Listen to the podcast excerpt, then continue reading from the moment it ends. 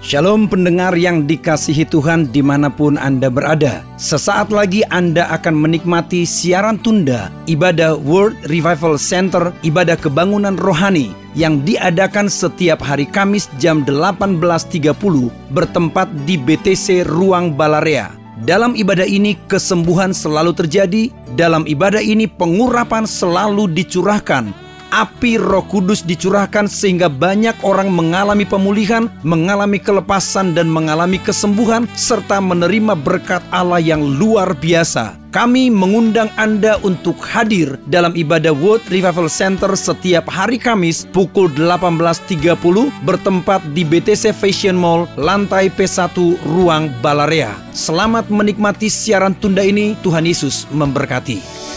Haleluya. Semua sekali lagi tepuk tangan yang paling meriah buat Allah kita. Amin. Haleluya. Amin. Semua diberkati Tuhan. Prosper people say. Lebih mantap lagi. Fresh anointed people. Amin. Amin. Tepuk tangan, tepuk tangan paling meriah. Gimana kabarnya? Sehat. Haleluya. Amin. Wow. Kurang mantap katakan wow. Boleh duduk saudara, katakan God bless you, kiri kanan saudara, shalom. Langsung pada bahan saudaraku, wow. Sama-sama baca dan tepuk tangannya yang paling keras. Ini akan terjadi buat saudara. Satu, dua, tiga. Amin. Prepare for expedition and great harvest. Bersiaplah untuk perluasan dan panen raya. Bersiaplah. Bilang kiri kananmu bersiaplah untuk perluasan, untuk peningkatan dan panen raya. Amin. Sebab kenapa Bapak tergesa-gesa, Bapak terburu-buru untuk dia memberikan kepada Anda perluasan dan panen raya di masa yang dunia berkata tidak baik. Dia akan memberi peningkatan perluasan dan panen raya buat Anda, Anda dan saya yang percaya tepuk tangan paling meriah katakan amin. Haleluya. Saudaraku, dalam beberapa hari ini dari hari Sabtu kemarin saya berdoa pernyataan ini terus kuat di dalam hati saya. Aku, Bapamu, telah berjalan lebih jauh di depanmu, melintasi semua langit, dan aku, Bapamu, telah berada di masa depanmu, jauh sebelum kamu ada di sana. Amin. Lima tahun yang akan datang Tuhan udah ada di sana. Kita masih di sini. Amin. Sepuluh tahun yang akan datang Tuhan udah ada di sana. Anda dan saya masih ada di sini, betul? Halo? Dia jauh di depan masa depan kita. Haleluya. Aku Bapamu telah berjalan lebih jauh di depanmu melintasi semua langit. Aku telah berada di masa depanmu. Jauh sebelum kita ada di sana. Besok hari kita belum ada di sana. Bapak kita sudah ada di sana. 5, 7, 8, 10 bulan yang akan datang kita belum sampai sana. Bapak sudah ada di sana. Katakan amin. Haleluya. Haleluya. Amin. Dan apa yang sudah Bapak lihat di sana? Baik saudaraku. Bapak telah melihat dan Bapak menyatakan bahwa masa depanmu baik. Kurang keras katakan amin. Siapa yang percaya masa depan saudara baik? Bapak sudah melihatnya dan Bapak menyatakannya masa depan saudara baik. Maka saudaraku bersiaplah untuk perluasan. Bersiaplah untuk great harvest untuk panen raya. Bersiaplah Anda, Anda dan saya mengalami peningkatan, mengalami perluasan. Ingat khotbah saya beberapa bulan yang lalu, Apolos menyiram, eh, Apolos menyiram, Paulus menanam, tapi Bapa yang memberi pertumbuhan, Bapa yang memberi peningkatan. Saudaraku, Anda sudah menyiram, Anda sudah menanam, Bapa yang memberi perluasan dan panen buat saudara-saudara dan saya gereja BFA di mana pun berada. Kemancan, tepuk tangan paling meriah katakan haleluya. Amin. Saya terlalu percaya saudaraku ini terjadi. Amin. Saya udah gini ya. Yesaya 54 ayat 2 dan 3. Firman Tuhan berkata, aku sendiri hendak berjalan di depanmu. Saudaraku, coba kalau Anda baca ayat-ayat ini, apa sih yang Anda dan saya kerjakan? Gak ada tuh. Bapak sendiri hendak berjalan di depanmu. Hendak meratakan gunung-gunung. Hendak memecahkan pintu-pintu tembaga. Dan hendak mematahkan palang-palang besi. Saudaraku dengar, dia berjalan di depan saudara jauh sebelum kita sampai sana. Dan sebagai seorang bapak, dia mau memastikan perjalanan saudara baik. Apa yang bapak akan lakukan? Meratakan gunung-gunung, menutup lembah-lembah, memecahkan pintu-pintu tembaga, dan mematahkan palang-palang besi. Apa yang Anda dan saya kerjakan? Enggak ada.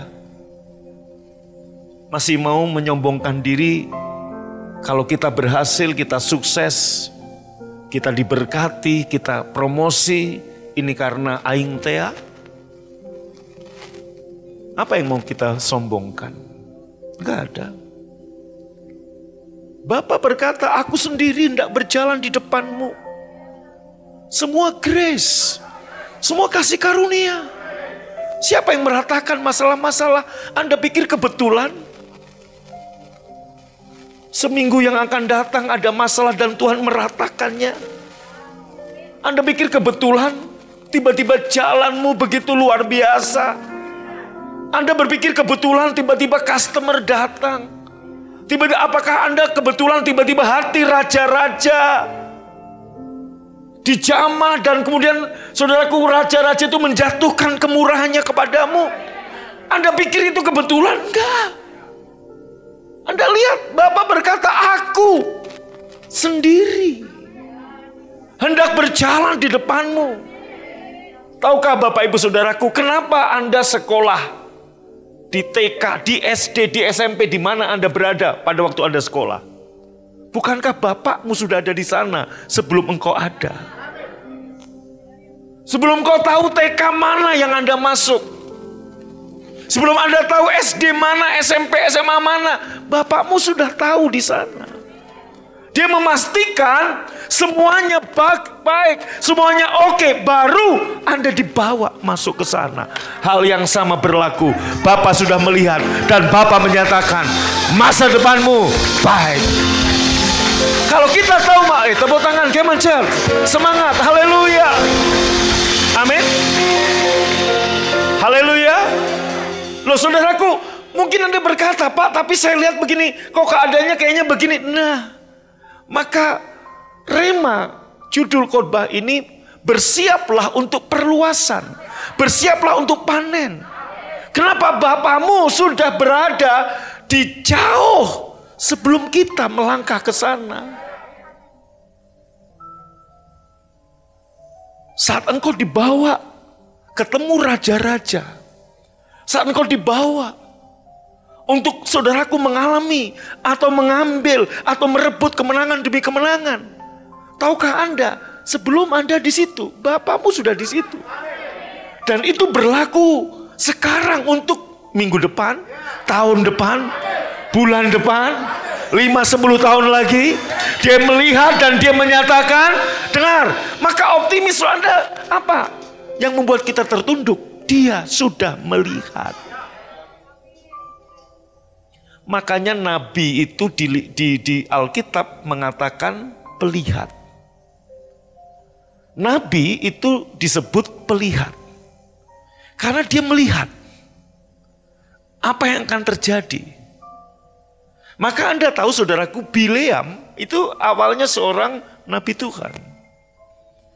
Kemudian saudaraku, musuh-musuh Israel datang ke Bileam untuk mengutuki Israel dan untuk melihat apa yang akan terjadi atas Israel untuk melihat apa yang akan terjadi. Maka kalau Anda datang ke kuamnya-kuamnya, peramal-peramal, Anda akan dilihat masa depan Anda. Betul? Coba lihat telapak tangan saudara. Saya bisa menyatakan, Anda anak-anak muda, saya dulu sudah suka ngibulin teman saya. Coba lihat telapak tangannya. Ah, ini garis ini kamu pengen punya istri cantik. Lu siapa yang gak pengen? Saudaraku, itu pelihat. Maka kalau ada orang Kristen datang ke peramal, datang ke saudaraku tanya-tanya, saya mau beritahu kamu salah. Bapakmu sudah melihat dan bapakmu menyatakan Eh dengar angkat tanganmu masa depanmu baik. Tepuk tangan, tepuk tangan paling meriah. Sebab engkau kebenaran Bapa di dalam Yesus. Dan saudaraku Anda lihat. Jadi kalau saudaraku besok hari Anda jualan barang dan laku, Anda cuan besar, itu bukan kebetulan Pak. Bapak udah di sana. Bapak sendiri hendak berjalan di depanmu. Hendak meratakan gunung-gunung. Jadi Bapak Ibu apa yang kita takutkan untuk tahun ini kita melangkah? Pak ada Omikron. Bapak berjalan. Meratakan Omikron. Amin. Haleluya. Omikron sebentar lagi juga selesai. Kemarin varian Delta selesai. Yang nggak selesai itu sinetron terus bersambung itu saudara. Itu yang bahaya. Sinetron drakor tuh nggak habis-habis. itu varian yang terus ada. Aku sendiri hendak memecahkan pintu-pintu tembaga. Wow. Saudara Hercules bisa mematahkan pintu tembaga? Enggak, ini bicara apa? di pekerjaanmu, di masa depanmu, di bisnismu, di pelayanan kita, di depan sana, itu ada selalu penghalang, ada selalu pintu tembaga. Tapi Anda jangan mengarahkan kepada pintu tembaganya, gunung masalahnya, palang-palang besinya. Tapi arahkan pandanganmu pada aku sendiri yang hendak memastikan engkau berjalan baik. Amin. Sebab jika engkau memusatkan perhatian pada gunung-gunung, pada pintu-pintu, pada palang-palang besi, maka semua perjalanan yang kau lihat hanyalah penghalang. Saya ulangi, saudara. Kalau Anda memusatkan perhatian kepada gunung-gunung, kepada pintu-pintu tembaga, pada palang-palang besi, maka sepanjang perjalanan hidupmu ke depan, yang engkau lihat selalu pintu tembaga, gunung masalah, palang besi. Tapi kalau engkau memusatkan pada aku sendiri, yaitu Bapamu, engkau lihat Bapamu, engkau melihat saudaraku, engkau nggak lihat lagi penghalang-penghalang. Engkau lihat Bapa yang luar biasa. Amin. Saya kasih contoh. Saya beri contoh. Anda pernah main ski itu? Ski ski es saudaraku di salju pernah main? Selain saya ada?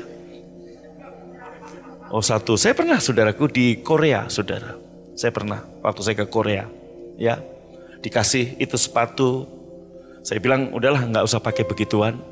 Saya pakai serodotan duduk. Saudara, waktu saya ke Hermon, saya ngelihat ada pemain ski es yang begitu wus, wus, wus, wus. Dia menghindari pohon-pohon. Dia menghindari, kenapa? Sebab dia fokusnya bukan kepada pohon-pohon, tapi kepada jalan. Maka jalanan yang dia lihat adalah jalan. Tapi kalau alang, maka sepanjang perjalanan dia hanya menyaksikan penghalang. Mari tatap masa depanmu. Engkau lihat Bapa yang meratakan gunung-gunung, yang memecahkan pintu-pintu tembaga dan mematahkan palang-palang besi. Maka dengar baik-baik, sepanjang perjalanan saudara, dengarkan baik-baik, Bapamu berjalan di depanmu. Tepuk tangan paling meriah katakan haleluya. Amin. Haleluya. Ya, saya beri contoh lagi. Saudara coba ya. Saya bilang gini, tolong hari ini tidak seorang pun memikirkan monyet.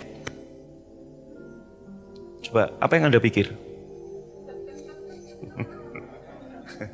Saya ulangi, tolong jangan mikirin monyet. Apa yang Anda pikirin? Monyet.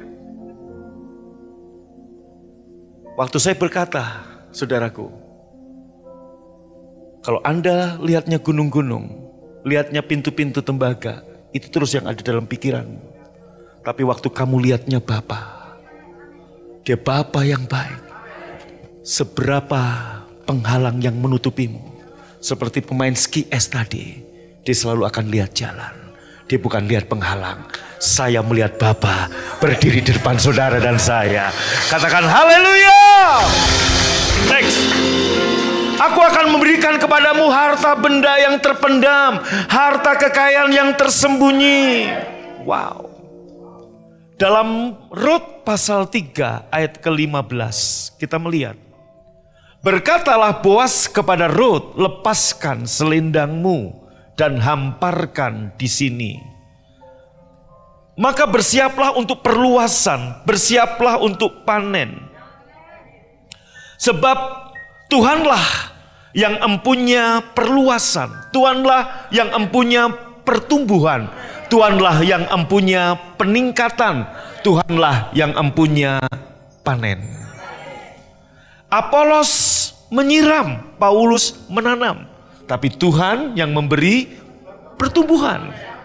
Amin. Apa yang harus Anda lakukan? Tanamlah, siramlah. Maka saudaraku, Berkatalah Boas kepada Rut, lepaskan selendangmu, hamparkan di sini. Maka Rut melepaskan selendangnya dan menghamparkannya. Next. Boas menuang ke dalam selendang itu kira-kira 20 kilogram gandum. Lalu Boas mengangkat 20 gandum itu ke atas pundak Rut. Setelah itu Boas pergi ke kota. Bapak Ibu yang dikasih Tuhan, Ruth, janda Moab yang ke Bethlehem mengikuti janda tua, miskin dan renta, Naomi.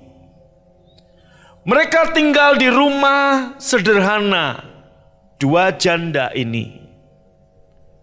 Sebagai seorang mantu yang baik, Ruth mencari nafkah untuk menghidupi dirinya dan mertuanya. Suaminya udah meninggal semua ya. Saudaraku, bekerja dari pagi sampai sore dengan upaya diri sendiri. Ruth mendapatkan nggak banyak. Tetapi saudaraku saat kemurahan Tuhan turun. Sebab begitu Ruth memutuskan Allahmu Allahku, bangsamu, bangsaku. Saudaraku, Tuhan ada di masa depan Ruth. Waktu suaminya meninggal dia nggak tahu. Ruth nggak ngerti. Dia belum punya anak, suaminya meninggal, dan dia janda. Dia nggak tahu. Tapi begitu dia percaya, saya yakin waktu dia menikah dengan anaknya Naomi, dia sudah percaya kepada Tuhannya Israel. Tetapi saat kemudian Naomi memutuskan pulang, Naomi berkata kepada dua mantunya, Orpa dan Ruth. Mereka mengantar sampai di gerbang kota, kota Moab atau Madaba hari ini. Naomi berkata, pulanglah ke bangsamu, pulanglah ke Allahmu. Kamu nggak mungkin nunggu aku punya anak lagi. Kalaupun ada yang mau menikahi aku, aku sudah janda tua.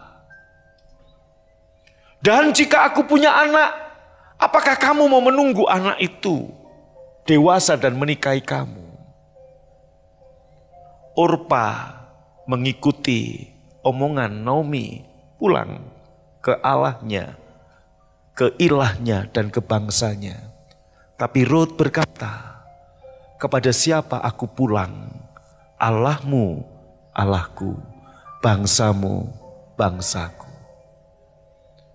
Bapak Ibu yang dikasih Tuhan, Ruth tahu begitu dia menikah dengan anak Naomi, Allahnya Naomi adalah Allahnya. Dan Allah yang ada di masa depan Ruth. Sekalipun situasi kondisi, dia nggak mengerti. Dia lepas bebas. Kalaupun dia kembali ke Moab, kembali ke berhalanya, kembali ke bangsanya. Tapi dia memilih untuk setia, sekalipun tidak mengerti. Hari ini banyak peristiwa dalam dua tahun ini yang engkau tidak mengerti. Banyak peristiwa dalam dua tahun ini yang Anda dan saya tidak bisa memahami. Saudaraku, waktu di stasiun Solo balapan kelas 2 SD, baru naik kelas 2. Ibu saya memaksa saya naik sepur menuju Pemalang. Sebagai anak paling kecil saya nangis. Udah lama gak ketemu karena ibu saya berobat gak tahu ke mana. Sekalinya ketemu di stasiun Solo. Hanya untuk berpisah. Ketemu satu jam. Hanya untuk berpisah. Saya dari Wali Kukun ke Solo. Ibu saya ketemu di stasiun Solo. Dan kemudian untuk berpisah. Bapak Ibu, dan itu perpisahan selamanya rupanya. Saya hanya bilang gini, Bu, saya nggak mau pergi ke Pemalang. Saya nggak tahu Pemalang itu di mana. Apa dekat California? Nggak tahu. Ibu saya hanya bilang gini, nak, le, pakai bahasa Jawa. Wes meluo, saya diantar saudaraku. Ada satu family yang sama-sama naik kereta. Saya nangis. Namanya anak kecil masih mbok-mbokan saudara. Ya, jangan berbes milih, wong saya ngalami kok ada yang nangis, saudara. Haleluya. Saudara, musik dong naikkan pujian tadi, jangan nganggur. Berkatnya sama dari Tuhan. Ayo. Kamu main musik, saya nyanyi. Lah saya khotbah kok diem. Shalom. Nah, saudara, apa saya mengerti? Tidak. Saya Kristen. Saya Pentakosta. Saudaraku. Ya. Saya gereja Pentakosta, Pantekosta, bukan Penta, Pantekosta namanya. Anak dari gembala saya sekarang jadi pendeta di salah satu desa di Seragen. Tiap bulan saya support saudaraku. Nah, Bapak Ibu, saya naik kereta, naik sepur. Kurang lebih sama mungkin kayak Ruth. Nggak ngerti. Saya apalagi Agung masih kecil. Ruth pun nggak ngerti kenapa. Lagi honeymoon, bulan madu. Belum sampai bulan-bulanan, mati suaminya. Halo? Bayangan untuk membangun rumah tangga dengan anak-anak bahagia sirna. Dan dia sekarang harus mengikuti janda tua yang renta, miskin, nggak ada warisan. Tapi saya percaya semasa suaminya hidup, suaminya mengajar firman Tuhan, Taurat, karena orang Yahudi selalu mengajar firman. Dia ikut aja. Nah saudaraku, sampai kemudian di Bethlehem, singkat cerita, dia tahu bahwa Allahku Bapakku, berjalan di depanku, meratakan gunung, menimbun lembah, mematahkan palang besi, memecahkan pintu tembaga. Ruth sebagai seorang miskin, dia bukan sebagai penuai. Dia pemungut jelek. Pemungut jelek itu artinya begini. Gandum-gandum yang waktu dituai ada yang jatuh biji-bijinya. Hukum Taurat mengatakan pemilik lahan maupun penuai tidak boleh mengambilnya. Itu untuk fakir miskin, janda-janda, untuk memungutnya. Tuhan menitipkan jelek itu kepada Anda. Bahwa setiap berkat yang Tuhan beri setiap bulan, baik gaji maupun keuntungan, ada yang Tuhan titipkan jelek. Ada benih untuk Anda tabur, ada roti yang Anda harus makan. Jangan semua berkat itu Anda makan roti, roti. Justru letaknya pelipat gandaan itu di benih. Letaknya Tuhan berpiutang, Tuhan punya utang kepadamu waktu kamu sisihkan jelek untuk orang-orang miskin. Saudaraku, kembali ke tadi, Ruth bekerja dari pagi sampai sore sebagai seorang janda miskin. Dia mendapatkan satu eva jelek. Persediaan seminggu. Saudaraku, tetapi saat kemurahan datang, Boas berkata kepada pegawai-pegawainya, jatuhkan dengan sengaja untuk perempuan ini. Tahukah Anda, waktu Anda sekalipun tidak mengerti, engkau terus melangkah. Mazmur 126 berkata, yang menabur dengan mencucurkan air mata. Kita nggak mengerti tapi kita terus maju melangkah. Mengikut Tuhan, melayani Tuhan, setia engkau akan menuai dengan sorak-sorai sambil membawa berkas-berkasnya. Sampai disebut haleluya. Katakan amin. Nah saudara kembali kembali jangan ayah jangan dihilangkan saudaraku. Nah anda tahu begitu sore Ruth pulang. Nomi tanya, kok kamu dapat banyak sekali? Di ladang manakah kamu bekerja? Di ladang Boas. Ruth Naomi berkata, Boas adalah salah satu penebus kita, penebusmu. Ruth berkata, Boas bermurah hati kepadaku. Aku nggak boleh cari di ladang lain. Ini berbicara. Waktu engkau terus fokus kepada Bapamu, ladangnya Tuhan. Tuhan bermurah hati kepada saudara. Bersiaplah untuk perluasan. Anda tahu tanpa kemurahan Boas, Ruth nggak akan dapat satu Eva jelek. Bahkan mungkin ada gangguan-gangguan dari pria-pria yang nakal, yang iseng, yang cunihin. Yang akan mengganggu Ruth. Tapi Boas berkata, jangan ada seorang pun yang ganggu dia. Jatuhkan dengan sengaja supaya dia mengambilnya. Dan saudaraku, di pasal yang ketiga, itu pasal dua, di pasal tiga. Waktu Ruth berkata, lebarkanlah sayapmu supaya aku berlindung kepadamu. Hal yang sama malam ini waktu kita berkata, Bapa, aku mau di bawah kepak sayapmu untuk aku berlindung. Bapa sangat senang. Engkau mengandalkan dia, bukan mengandalkan diri sendiri. Apa yang Bapak lakukan? Apa yang puas? Puas surgawi kita, Yesus. Saya percaya dia sedang menjatuhkan dengan sengaja kasih karunia-Nya kepada saudara-saudara dan saya. Dan dia sedang menjamah hati raja-raja, atasan-atasan saudara, customer-customer besar, orang-orang hebat, orang-orang besar untuk bermurah hati kepada kita. Yang percaya katakan yes, amin. Tepuk tangan paling meriah buat Tuhan.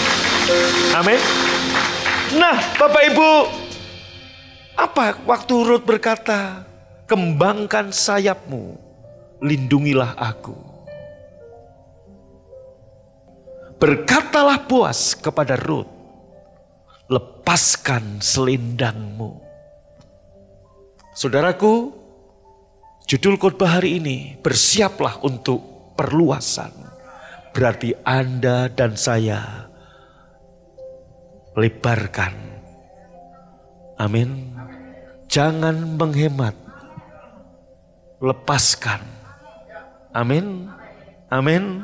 Saudaraku, lepaskan selendangmu, hamparkan di sini. Rod melepaskan selendangnya dan menghamparkannya.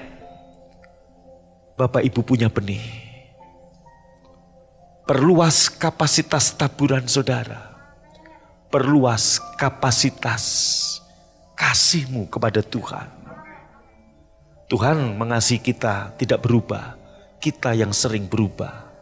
Mari semakin mengasihi dia beribadah lebih sungguh-sungguh lagi.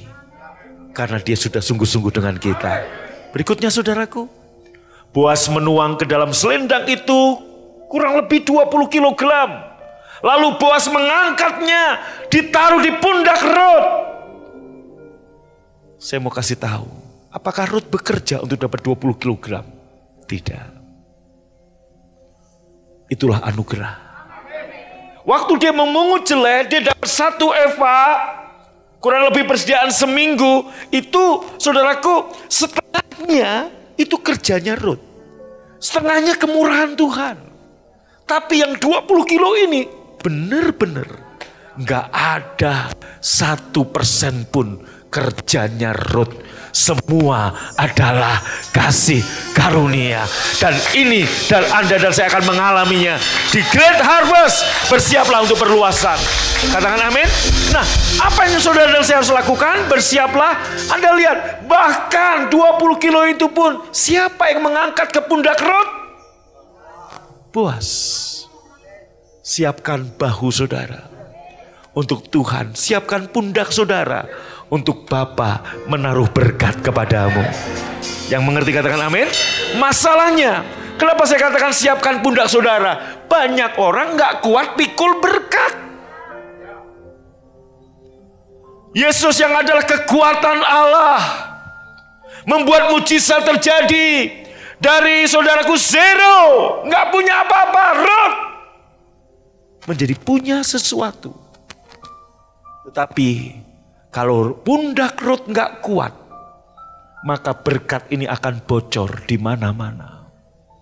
Banyak orang Kristen, anak Tuhan, nggak kurang-kurang Tuhan tolong Anda. Dan Tuhan taruh berkat di pundakmu, tapi pundakmu nggak kuat, pikul berkat. Engkau nggak memakai Kristus yang adalah hikmat Allah. Untuk apa? Memikul berkat yang Tuhan beri. Amin. Kita tahu kalau Ruth nggak kuat mikul berkat, saudaraku, dia akan ada di titik yang sama, nggak punya apa-apa lagi. Banyak orang Kristen, Tuhan udah kasih berkat, bahkan Tuhan angkat, ditaruh di pundakmu, tapi kamu nggak kuat promosi Tuhan kasih ke kamu,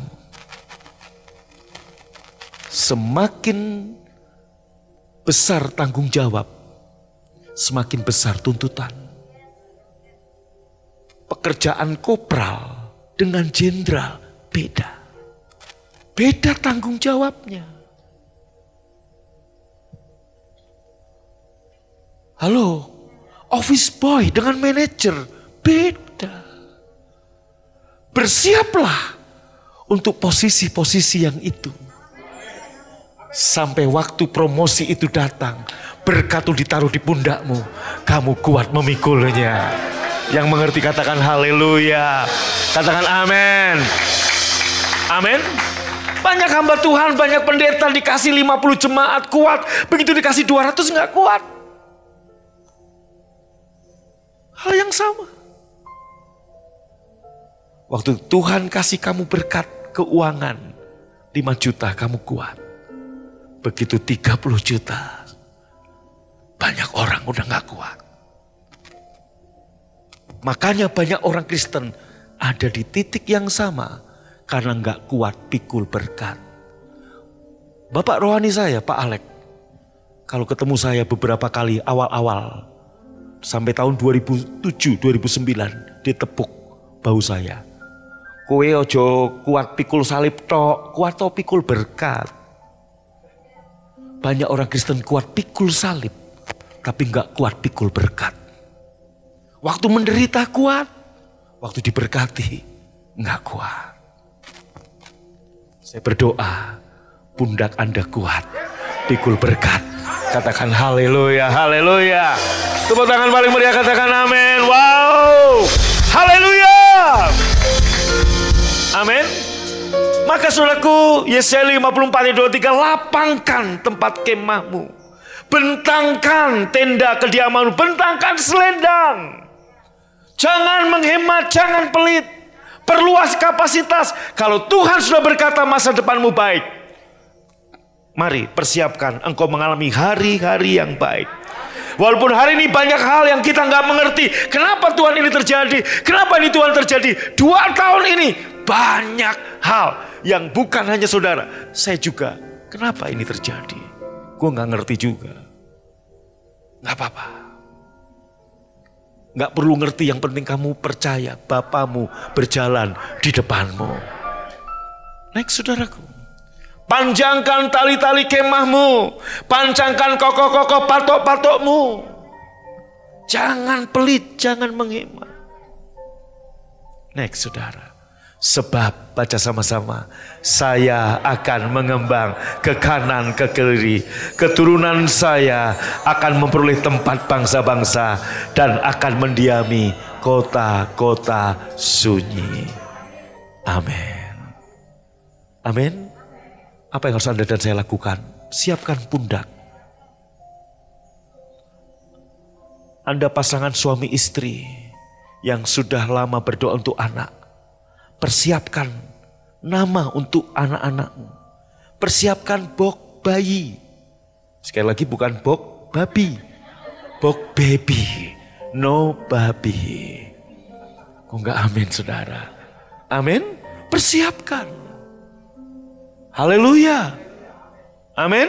Sebab Bapa hari ini sedang terburu-buru untuk engkau mengetahui dia mengasihimu.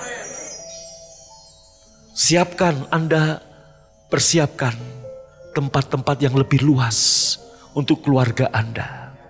Siapkan. Maka kenapa saudaraku saya menyiapkan tempat yang lebih luas lagi?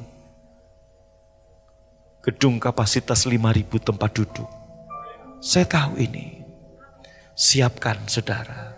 Siapkan dompet yang lebih besar lagi. Amin. Ya, untuk menaruh berkat-berkatmu.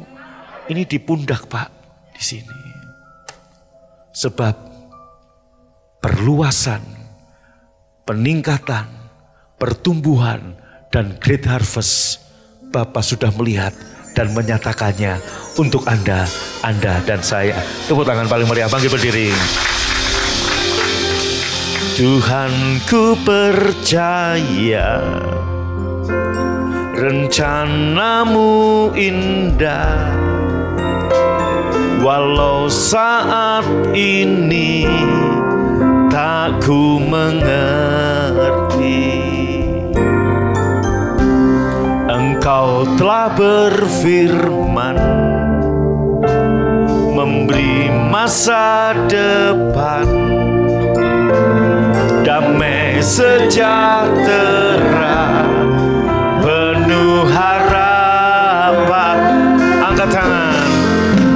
engkau rencanamu indah bagiku. Kalau ada anak orang tua suami istri boleh gandeng tangan. Haleluya. Baik bagi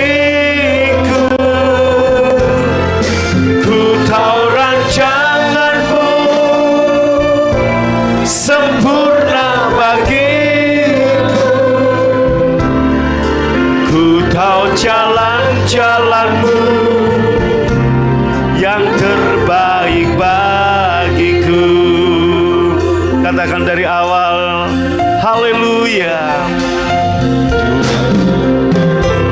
Tuhan ku percaya Yang di rumah boleh bangkit berdiri Namu indah Walau saat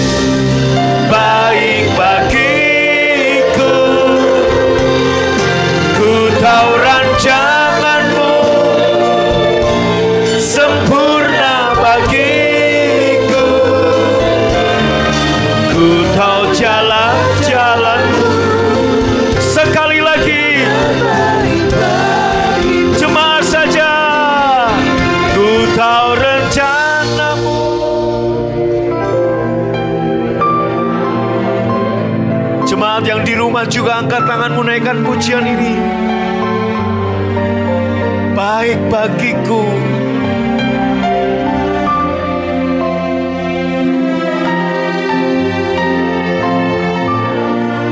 Sempurna bagi kita. Amin. Tahukah saudara Bapa berjalan di depanmu meratakan gunung-gunung mematahkan pintu-pintu palang-palang besi memecahkan pintu-pintu tembaga untuk memastikan perjalanan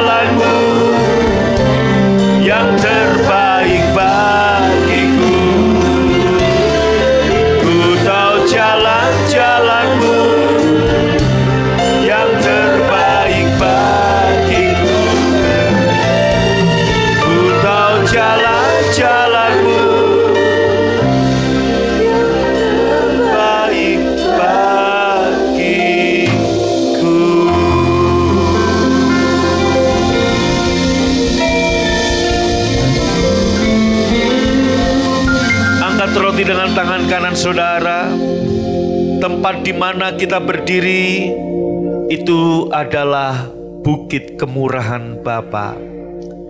Gunung Ararat, kutuk sudah dijungkir balikan, diganti dengan kasih karunia. Bukankah roti yang Bapak Ibu Saudara dan saya pecah-pecahkan malam ini adalah persekutuan dengan tubuh Tuhan Yesus yang percaya ambil dan makan dalam nama Yesus.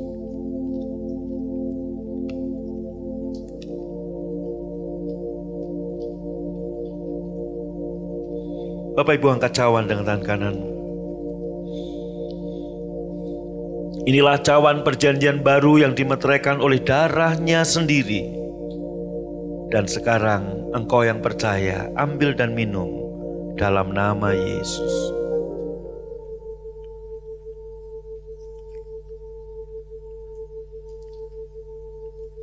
Gak ada yang kebetulan, semua dalam kontrol Tuhan.